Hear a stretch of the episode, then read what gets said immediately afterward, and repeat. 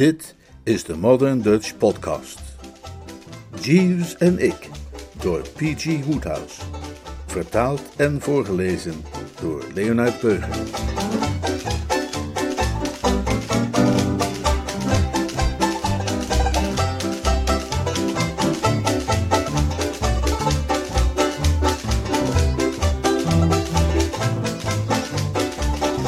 Hoofdstuk 7 om Clarence een plezier te doen. Heb je ooit wel eens nagedacht? En als ik zeg nagedacht, dan bedoel ik echt grondig je gedachten laten gaan over de brutaliteit, de impertinentie of, zo je wilt, de godspe waarmee de vrouw als sekse zo overvloedig is uitgerust. Nou, ik wel. Grote goden. Maar allemachtig, mij is het dan ook wel ingevreven op een manier waarop dat bij weinig kerels het geval zal zijn. En het absolute toppunt werd wat dat betreft wel bereikt in het geval van de Venus van Yeatsley. Om de hele, hoe heet het, van de situatie goed tot je te laten doordringen, zal ik je eerst even moeten uitleggen hoe de zaken stonden tussen mevrouw Yeatsley en mijzelf. Ik had haar oorspronkelijk leren kennen als Elizabeth Schulbrad, van oude familie uit Worcestershire, goed in de slappe was en als een plaatje zo mooi. Met haar broer Bill had ik samen in Oxford gezeten. Ik hield van Elizabeth Schulbrad. Ik hield echt van haar, weet je wel. En er is een tijd geweest, een week of zo heeft het geduurd, dat we verloofd waren. Maar juist toen ik het leven serieus begon te nemen, uh, meubelcatalogie ging doorbladeren en me opeens heel plechtig voelde als het orkestje in een restaurant de huwelijksmars begon te spelen, verdomd als ze toen niet opeens onze verloving verbrak en een maand later getrouwd was met ene Yeatsley, Clarence Yeatsley, een kunstenaar.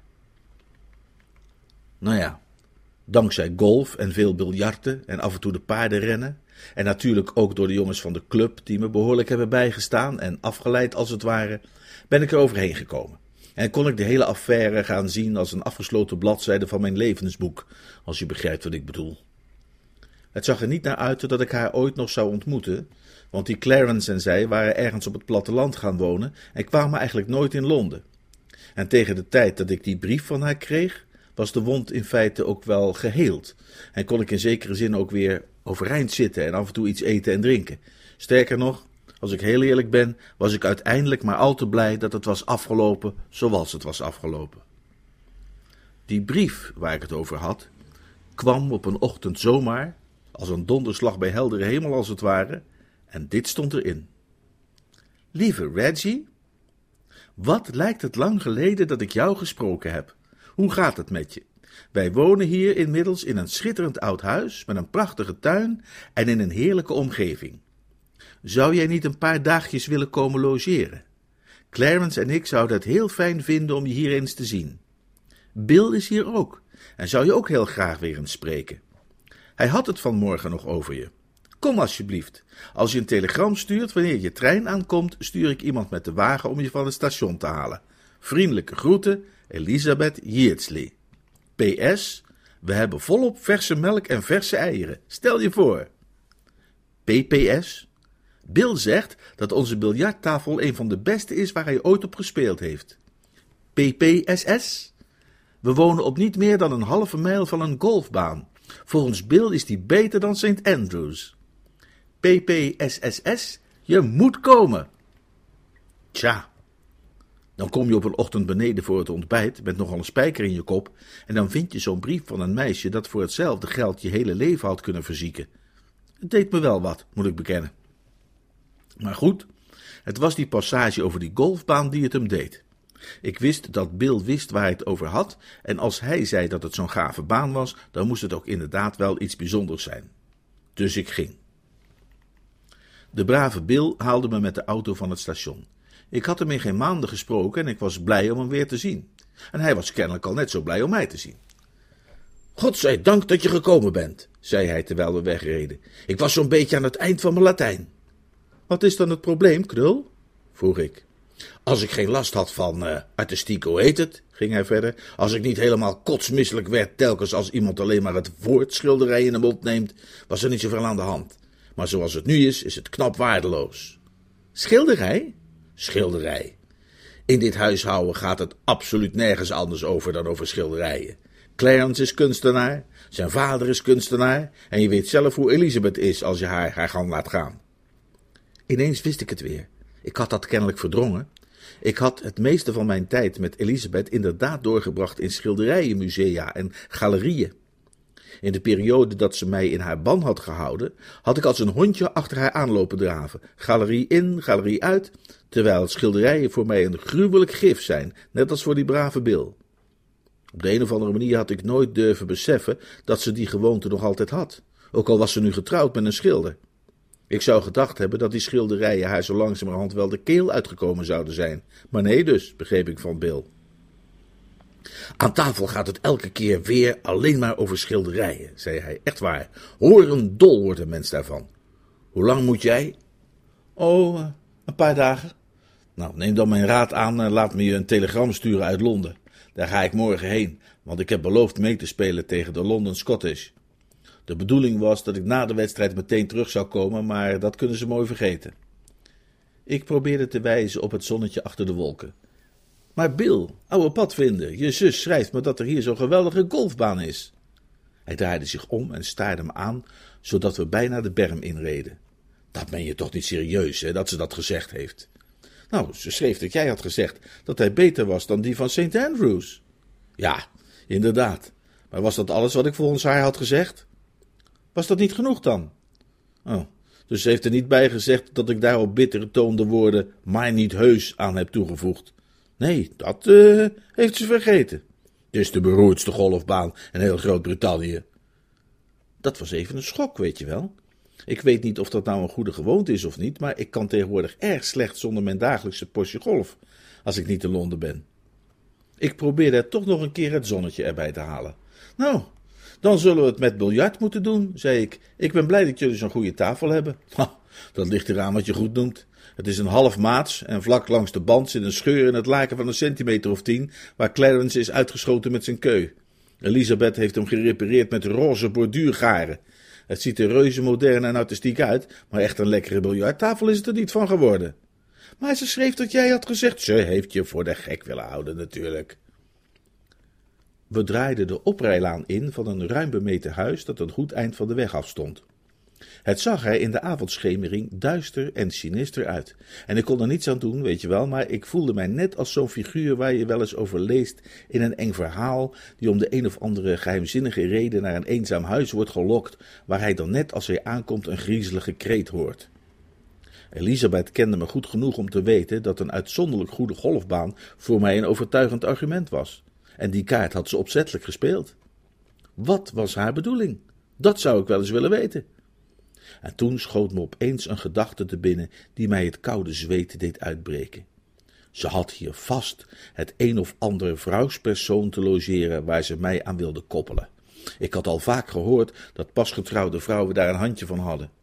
Ze had weliswaar beweerd dat er behalve Clarence en zijzelf niemand in huis was dan Bill en de vader van Clarence, maar een vrouw die de naam van St. Andrews ijdel durfde te gebruiken als zij, zou voor zo'n leugentje vast ook niet terugschrikken. Bill, oude padvinder, zei ik. Er logeren toch zeker geen verschrikkelijke meiden bij jullie of iets in die geest, of wel? Was het maar waar, zei hij. Nee, pech wat dat betreft. Toen we voor de voordeur stilhielden, ging die dadelijk open en een vrouwelijke gestalte kwam naar buiten. Heb je hem bij je, Bill? vroeg ze, wat mij binnen mijn gedachtegang als een behoorlijk griezelige formulering in de oren klonk. Iets dat Lady Macbeth had kunnen zeggen tegen Macbeth, weet je wel. Bedoel je mij? zei ik. Nu viel het licht op haar. Het was Elisabeth en ze zag er nog precies zo uit als vroeger. Ben jij dat, Reggie? Ben toch zo blij dat je kon komen? Ik was bang dat je het misschien vergeten was. Je weet zelf hoe je bent, hè? Kom binnen, drink een kopje thee. Ben jij ooit wel eens door een meisje dat je aan de kant heeft gezet en dat later met iemand anders is getrouwd aan die echtgenoot voorgesteld? Hm. Als jou dat ook wel eens is overkomen, dan weet je hoe ik mij voelde toen ik die Clarence onder ogen kreeg. Je kent dat gevoel. In het begin, als je voor het eerst hoort dat ze getrouwd is, dan zeg je tegen jezelf: Ik vraag me af wat dat voor iemand zal zijn. En als je hem dan ontmoet, dan denk je: Dit moet een vergissing zijn. Zoiets kan ze niet boven mij hebben verkozen. Dat dacht ik in elk geval toen ik die Clarence te zien kreeg. Het was een klein, mager, nerveus ogend type van een jaar of 35. Zijn haar werd grijs aan de slapen en was van boven één verwarde massa. Hij droeg een knijpbrilletje en een hangsnor. Ik ben zelf ook geen Tarzan, maar tegenover die Clarence voelde ik mij een hele vent. En Elisabeth, let wel, is een prachtige, reizige vrouw die eruit ziet als een prinses. Eerlijk waar. Volgens mij doen die vrouwen het uit eigen wijzigheid.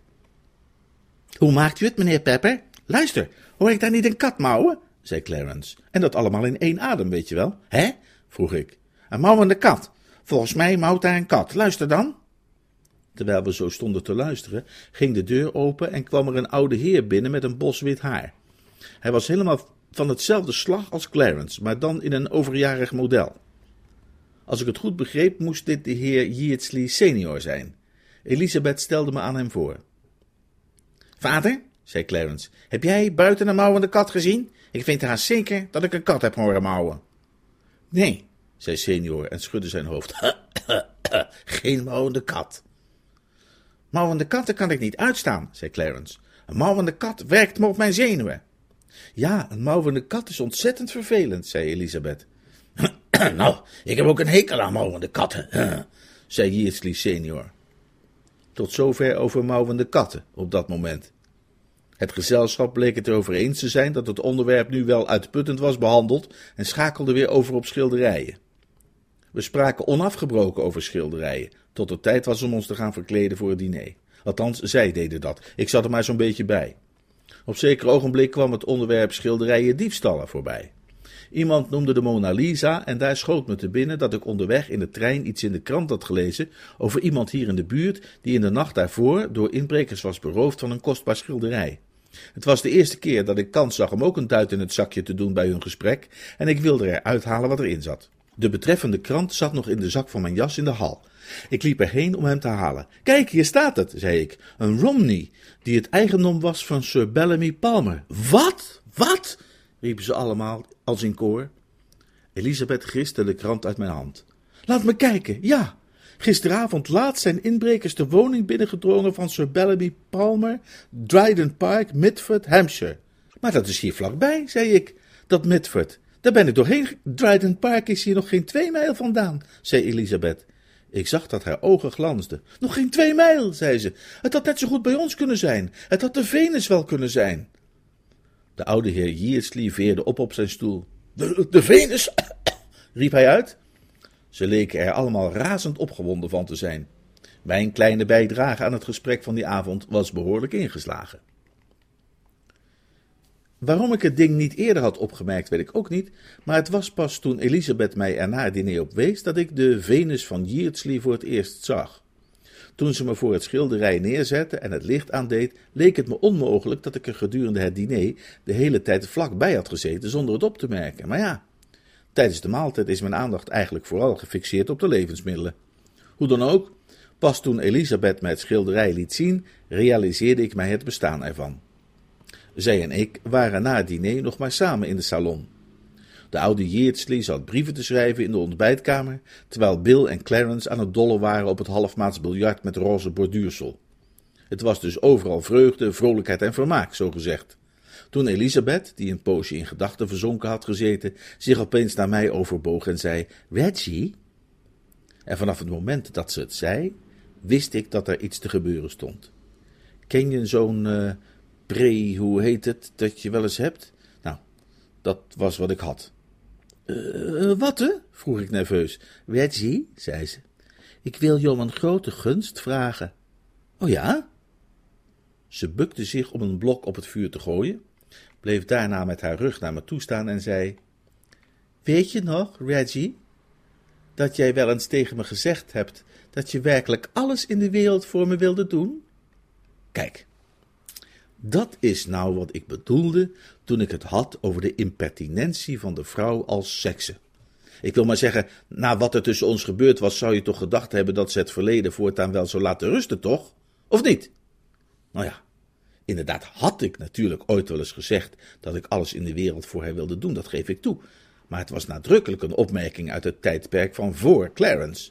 Die was toen helemaal nog niet op het toneel verschenen. En het lijkt me volkomen logisch dat iemand die de volmaakte hoofdse ridder was toen hij met een meisje verloofd was, op geen stukken na nog zo hoofs is of zo ridderlijk tegenover haar wil zijn, als ze hem eenmaal de bons heeft gegeven en notabene getrouwd is met een man die naar zijn hart en zijn hoofd hem leren een uitgesproken druiloor is. Ik wist zo gauw niets anders te zeggen dan, oh, uh, uh, ja. Dan is er nu iets dat je voor me kunt doen en waarmee je me eeuwig dankbaar zult maken. Oh ja, zei ik.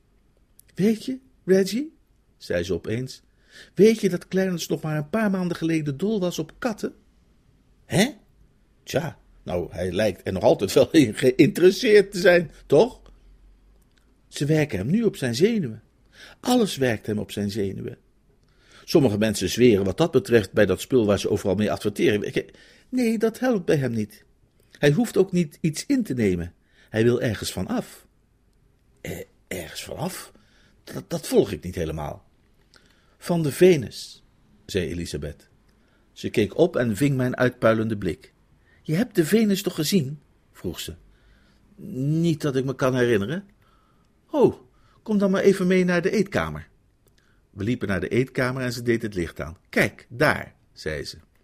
Aan de muur, naast de deur, en misschien was het me daarom niet eerder opgevallen, ik had er met mijn rug naartoe gezeten, hing een groot olieverfschilderij.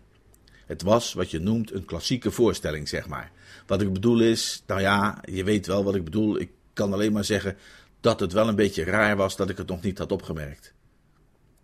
Is dat de, de Venus? vroeg ik. Ze knikte. Hoe zou jij het vinden als je daarnaar moest kijken elke dag dat je aan tafel ging om iets te eten? Tja, dat weet ik niet. Ik uh, denk niet dat ik er erg veel last van zou hebben. Ik zou het wel overleven. Ze schudde ongeduldig haar hoofd. Ja, maar jij bent ook geen kunstenaar, zei ze, en Clarence wel. Toen begon ik het een beetje te snappen. Wat nu precies het probleem was, begreep ik nog niet helemaal, maar het had kennelijk iets te maken met het bekende, aloude, artistieke temperament en daar kun je alle kanten mee uit. Dat verklaart alles. Dat is net zoiets als het gewoonterecht, weet je wel, waar je je in Amerika op kunt beroepen als je iets gedaan hebt en ze willen je in de bak gooien, maar daar heb je geen zin in. Wat ik bedoel is bijvoorbeeld dat als je volkomen geschift bent, maar je voelt er niks voor om in het gekhuis terecht te komen, dat je dan eenvoudig verklaart dat toen je beweerde dat je een theepot was, dat het een kwestie was van je artistieke temperament. Hè? Dan maakt iedereen zijn excuses en laat je verder met rust.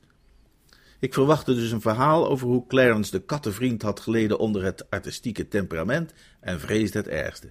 En ja hoor, Clarence was een slachtoffer van de eerste orde. Het zat zo. Yeardsley senior was kennelijk een amateurschilder en de Venus was zijn meesterwerk, dat vond hij zelf althans en hij kon het weten. Hoe dan ook, toen Clarence trouwde had hij het hem als huwelijkscadeau geschonken en het met eigen handen opgehangen op zijn huidige plaats. Niks aan de hand, zou je denken. Maar let op het vervolg. Clarence, met zijn artistiek temperament, was een professionele schilder en dus een paar slagen beter dan zijn oude vader, en hij vond de Venus een knullig product. Hij kon het stuk eenvoudig niet uitstaan. Hij vond de lijnvoering niks, hij vond de gelaatsexpressie niks, hij vond het kleurenschema niks. Kortom, hij werd er kotsmisselijk van als hij ernaar keek. Maar omdat hij bijzonder op zijn vader was gesteld en alles liever deed dan de man verdriet te bezorgen, had hij er niet toe kunnen komen het doek in de kelder op te bergen. Drie keer per dag met dat schilderij geconfronteerd te worden was echter te veel voor hem, en het begon hem dermate te belasten dat Elisabeth had besloten dat er echt iets aan gedaan moest worden. Dus nu begrijp je het, zei ze. Nou, tot op zekere hoogte, zei ik, maar vind je niet dat je nogal zwaar tilt aan een kleinigheid? Maar begrijp je het dan echt niet? Kijk! Ze dempte haar stem alsof ze een gewijde ruimte betrad en deed een andere lamp aan. Die scheen op het schilderij naast dat van de oude Yeardsley. Kijk, zei ze, dat is nu iets wat Clarence geschilderd heeft. Ze keek me verwachtingsvol aan. Ze rekende er kennelijk op dat ik ter plekke zou flauwvallen of in gejubel zou uitbarsten of zoiets. Ik bekeek het werk van Clarence eens goed. Ook een klassieke voorstelling. Leek volgens mij als twee druppels water op dat andere schilderij. Er werd nu kennelijk een stukje kunstkritiek van mij verwacht, dus ik deed een poging. Ook uh, Venus? vroeg ik. Echt waar hoor. Sherlock Holmes zou dezelfde fout gemaakt kunnen hebben. Op basis van de ter beschikking staande gegevens, wil ik maar zeggen. Nee, dit is de vreugdevolle lente, snauwde ze. Ze deed het licht weer uit. Ik merk dat je het nog steeds niet begrijpt.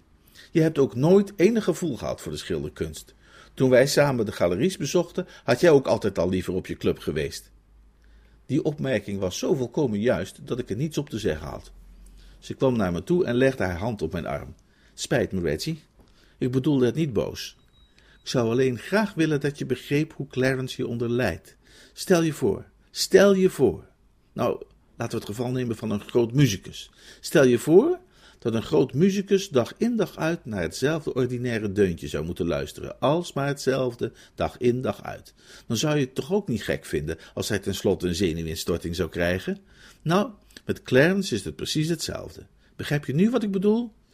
Jawel, maar eh, wat maar? Ik ben nu toch zeker wel duidelijk genoeg geweest?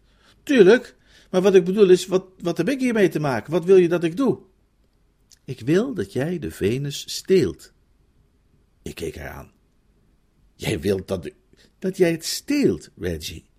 Haar ogen glansden van opwinding. Zie je dat dan niet? Dit is het lot. Toen ik jou vroeg om hierheen te komen, had ik alleen nog maar dat idee. Ik wist dat ik op jou kon rekenen. Maar toen werd, alsof het een wonder was, die Romney gestolen uit een huis hier nog geen twee mijl vandaan. En dat maakt het veel minder waarschijnlijk dat mijn brave oude schoonvader de zaak zou kunnen wantrouwen, zodat we misschien toch nog zijn gevoelens zouden kwetsen. Nu is het juist een geweldig compliment voor hem. Denk eens in. De ene nacht stelen die dieven een schitterende Romney en de volgende nacht nemen ze zijn Venus mee. Hij zal zo trots zijn als een aap. Doe het vannacht, Reggie. Ik zal je een scherp mes geven. Je snijdt gewoon het doek uit de lijst en klaar is Kees. Ho, ho, maar, maar wacht nou eens eventjes, zei ik. Ik wil jullie natuurlijk dolgraag van dienst zijn, maar zou het in een zuivere familiekwestie als deze niet beter zijn om, nou ja, om onze eigenste Bill hiermee op te zadelen? Bill heb ik gisteren al gevraagd, maar hij vertikte het.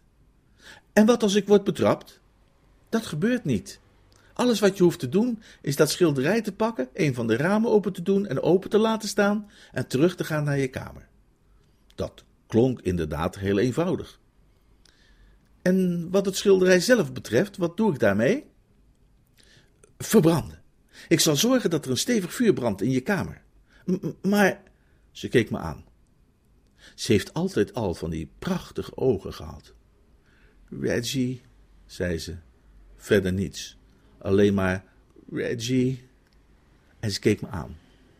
Nou ja, daarna, als je begrijpt wat ik bedoel, uh, vervlogen tijden, weet je wel, uh, het zoete verleden, uh, dagen van weleer en al dat soort dingen, als je me kunt volgen.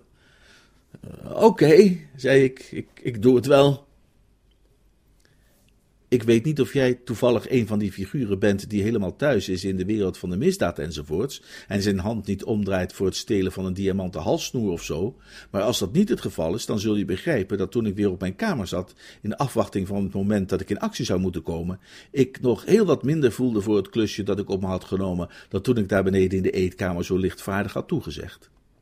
Op papier leek het allemaal makkelijk zat. Maar hij kreeg nu toch heel sterk het gevoel dat er gegarandeerd wel weer addertjes onder het gras zouden zitten, en de tijd ging dan ook zeldzaam traag voorbij. Het uur u was vastgesteld op één uur in de ochtend, wanneer we konden veronderstellen dat alle bewoners in diepe slaap verzonken waren. Maar om kwart voor één hield ik het niet langer uit. Ik stak de lantaarn aan die ik van Bills fiets had losgewurmd, greep mijn mes stevig beet en sloop de trap op. Het eerste wat ik deed toen ik de eetkamer binnenkwam, was het raam openzetten. Ik was half en half van plan geweest om de ruit in te slaan, om de zaak een beetje extra couleur lokaal te verlenen, maar daar zag ik bij nader inzien toch maar van af vanwege de herrie die het zou maken. Ik had mijn lantaarn op tafel gezet en wilde die juist weer oppakken toen er iets gebeurde. Wat het was, had ik op dat moment niet kunnen zeggen. Het kon een explosie zijn of de een of andere aardbeving. In elk geval werd ik door een niet nader omschreven stomp voorwerp vol op de kin getroffen. Vonken en sterretjes vertoonden zich aan de binnenkant van mijn hoofd en het eerste wat ik mij van daarna herinner was iets nats en kouds in mijn gezicht en een stem die klonk als die van onze oude vertrouwde Bill die zei, voel je al wat beter? Ik ging rechtop zitten. Het grote licht brandde, ik zat op de vloer en Bill knielde naast me met de soda-sifon in zijn hand. Wat is er gebeurd? vroeg ik. Spijt me ontzettend, Reggie, zei hij, maar ik had geen idee dat jij het was. Ik kwam hier binnen, ik zag die lantaarn op tafel staan en een kerel bij het open raam met een mes in zijn hand. Ik heb niet eerst even om inlichtingen gevraagd, maar meteen een flinke dreun op zijn kaak gegeven. Wat was jij eens hemelsnaam van plan? Was jij aan het slaapwandelen? Nee, het was Elisabeth, zei ik. Jij weet daar toch alles van? Ze zei dat ze het jou had verteld. Je bedoelt toch niet? Ja, dat schilderij. Jij vertikte het om het te stelen, dus dat heeft ze aan mij gevraagd. Reggie, beste kerel, zei hij. Ik zal nooit meer geloven wat ze zeggen over berouw. Dat is absoluut flauwekul en gooit alles in de war. Als ik geen berouw had gekregen en achteraf niet gevonden had dat het wel erg onaardig was tegenover Elisabeth om zo'n kleinigheidje niet even voor haar te willen doen, en ik dus niet toch maar naar beneden was gekomen om het alsnog te doen, had jij die coma-dreun niet op je kin gekregen. Het spijt me. Nou, anders mij wel, zei ik, en ik schudde met mijn hoofd om te voelen of het er nog op zat. Maar voel je je nu al wat beter? Beter dan daarnet, maar dat zegt niet zoveel. Wil je nog wat sodawater? Nee? Goed. Wat zeg je ervan als we dan nu eerst even dat klusje afmaken en dan naar bed gaan? Maar we moeten wel snel wezen, want het maakt een lawaai als een oordeel toen jij tegen de grond ging. En het zou me niks verbazen als sommige van de bedienden dat gehoord hebben. Wie snijdt, kop of munt? Kop. En het is munt, zei hij en stak het geldstuk weer in zijn zak. Overeind jij, ik hou de lantaarn wel vast. En snij je niet met dat levensgevaarlijke zwaard van je. Het was inderdaad net zo gemakkelijk als Elisabeth had gezegd. Vier snelle halen en het doek kwam uit de lijst als een oester uit zijn schelp. Ik rolde het op. Bill had de lantaarn op de grond gezet en verzamelde nu wat whisky, soda en glazen uit het dressoir. We hebben nog een eh, lange avond voor ons, zei hij. Een schilderij van deze afmetingen kun je niet in één keer verbranden. Daar zou je een schoorsteenbrand van krijgen. Laten we het rustig aandoen. Clarence zal ons de drank niet misgunnen en we hebben hem een reusachtige dienst bewezen. Ja, morgen is het voor hem een blijde dag. Dan stijgt zijn vreugd ten top. Kom op, Reggie. We gingen naar mijn kamer, waar we bleven roken en kletsen en van onze whisky drinken, terwijl we af en toe een reep van het schilderij sneden en in het vuur gooiden, tot het hele doek verdwenen was. Het was gezellig. Het vuurtje knetterde vrolijk en we hadden het prettige gevoel dat we stilletjes iets goeds aan het doen waren. En alles bij elkaar geloof ik niet dat ik het ooit nog zo naar mijn zin had gehad, sinds de dagen dat we ook zo bij elkaar hadden gezeten in mijn kamertje op school. We hadden juist het laatste stukje op het vuur gegooid toen Bill plotseling overeind ging zitten en mij bij de arm pakte. Hé, hey, ik, ik hoor iets, zei hij. Ik luisterde en ja hoor, ik hoorde ook iets. Mijn kamer was recht boven de eetkamer en we hoorden het echt heel duidelijk. Heimelijke voetstappen. En toen een stoel die werd omgegooid. Er is iemand in de eetkamer, fluisterde ik. Je hebt van die mensen die er aardigheid in vinden om de problemen gewoon op te zoeken. En onze Bill is er daar één van. Als ik alleen was geweest, zou ik geen drie seconden nodig hebben gehad om mijzelf ervan te overtuigen dat ik eigenlijk helemaal niks had gehoord, achteraf gezien. Ik ben een vredelievend mens die gelooft in leven en laten leven en dat soort dingen meer. Maar voor onze brave Bill was een inbraak een feestje. Met een sprong kwam hij uit zijn stoel overeind. Kom op, zei hij, en neem die poker mee. De kolenschop nam ik ook maar mee. Leek me een goed idee. Bill greep het mes. We slopen de trap af. We gooien de deur open en dan springen we ze op hun nek, zei Bill. Maar wat doen we als ze gaan schieten? Inbrekers schieten nooit, zei Bill. Dat was een geruststellende gedachte, vooropgesteld dat de inbrekers dat ook wisten. Bill greep naar de deurknop, draaide hem in een snelle beweging om en rende naar binnen. Maar meteen bleven we staan, met verbijsterde blik. De kamer was in duister gehuld, afgezien van een spoortje licht bij de tegenoverliggende muur. Daar, vlak voor Clarence's vreugdevolle lente, stond op een stoel, met een kaars in zijn ene hand en een mes in zijn andere, de oude heer Yeatsley, op zijn pantoffels en in een grijze ochtendjas. Hij had juist toen we binnenkwamen de laatste snee gemaakt. Geschrokken draaide hij zich om en stortte met stoel en kaars en schilderij en al in een vormeloze hoop op de grond. De kaars doofde. Wat moet dat in hemelsnaam? zei Bill. Dat vroeg ik mij ook af. Ik raapte de kaars op en stak die weer aan. Maar toen gebeurde er iets afschuwelijks. De oude man scharrelde overeind, maar zakte vervolgens op een stoel in elkaar en begon te huilen als een kind. Ik snapte natuurlijk wel dat het alleen maar lag aan zijn artistieke temperament, maar geloof me, het was toch uiterst onaangenaam. Ik keek onze Bill aan en onze Bill keek mij aan. We deden snel de deur dicht, maar daarna wisten we niet zo goed meer wat we verder moesten doen. Ik zag Bill een blik werpen op het dressoir en begreep wat hij zocht, maar we hadden de sifon mee naar boven genomen en zijn vaardigheden op het gebied van de eerste hulp beperkten zich tot het spuiten van sodawater. We bleven dus alleen maar afwachten en uiteindelijk hield de oude Yeatsley vanzelf weer op, ging rechtop zitten en begon in hoog tempo tegen ons te praten. Clarence, Clarence, mijn jongen, ik werd te zeer in verleiding gebracht. Het kwam door die inbraak in Dryden Park, die heeft mij verleid. Het maakte het allemaal opeens zo eenvoudig. Ik wist dat jij het toe zou schrijven aan diezelfde bende, Clarence, mijn jongen. Ik. Uh... Op dat moment scheen het tot hem door te dringen dat Clarence zich helemaal niet onder de aanwezigen bevond. Clarence? vroeg hij aarzelend. Die ligt in bed, zei ik. In bed? Dus heb ik nergens van. Dus, mijn beste jonge heren, ik doe een beroep op jullie goedheid. Val mij niet te hard, luister. Hij stak zijn hand uit naar Bill, die een stapje opzij deed. Ik kan. ik kan alles uitleggen.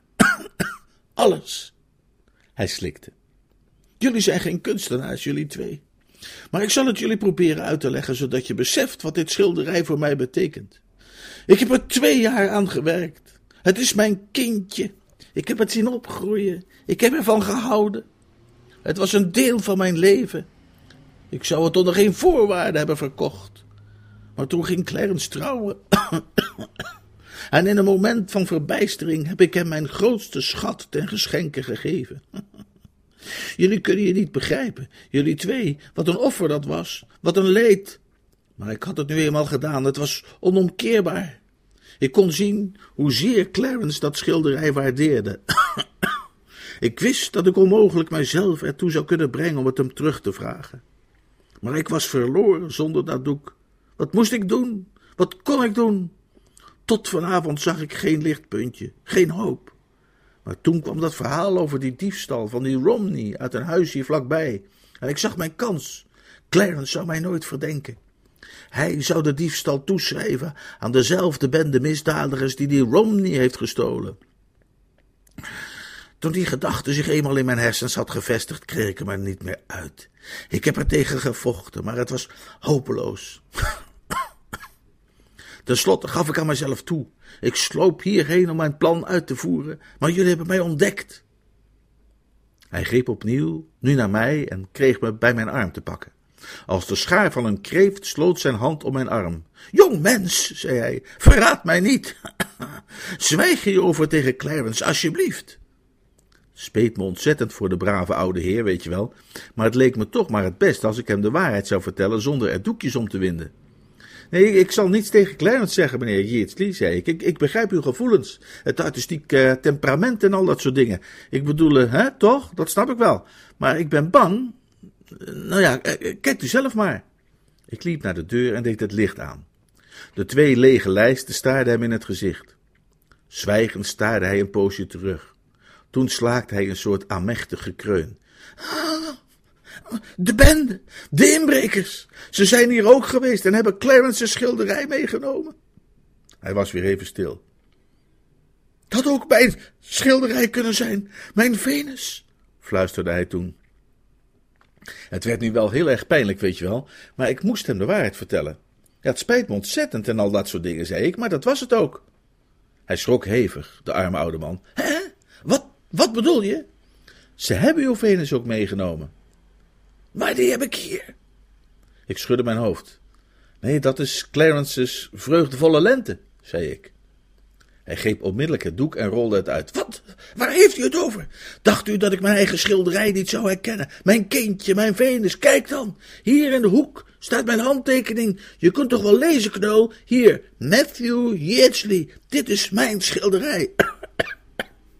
En verdomd, het was zijn schilderij, weet je wel. Nou ja, uiteindelijk wisten we de oude man naar boven en naar bed te krijgen, samen met zijn vervloekte Venus, en wij zelf trokken ons terug om ons te bezinnen op de ontstane situatie. Bill zei dat het mijn schuld was, dat ik het verkeerde schilderij onder handen had genomen. En ik zei dat het Bill's schuld was, omdat hij mij zo'n dreun op mijn kaken had gegeven dat je moeilijk kon verwachten dat ik nog kon zien wat wat was. En daarna was het een hele tijd erg stil. Reggie, zei Bill tenslotte, hoe stel jij je voor dat het zal zijn om morgenochtend Clarence en Elisabeth onder ogen te komen aan de ontbijttafel? Beste knul, zei ik, Die gedachte speelde mij ook juist door het hoofd. Reggie, zei Bill, toevallig weet ik dat er om kwart over drie een melktrein vertrekt uit Midford. Het is niet bepaald een sneltrein. Hij komt zo tegen half tien in Londen aan, maar uh, onder de omstandigheden. Wat zeg je ervan?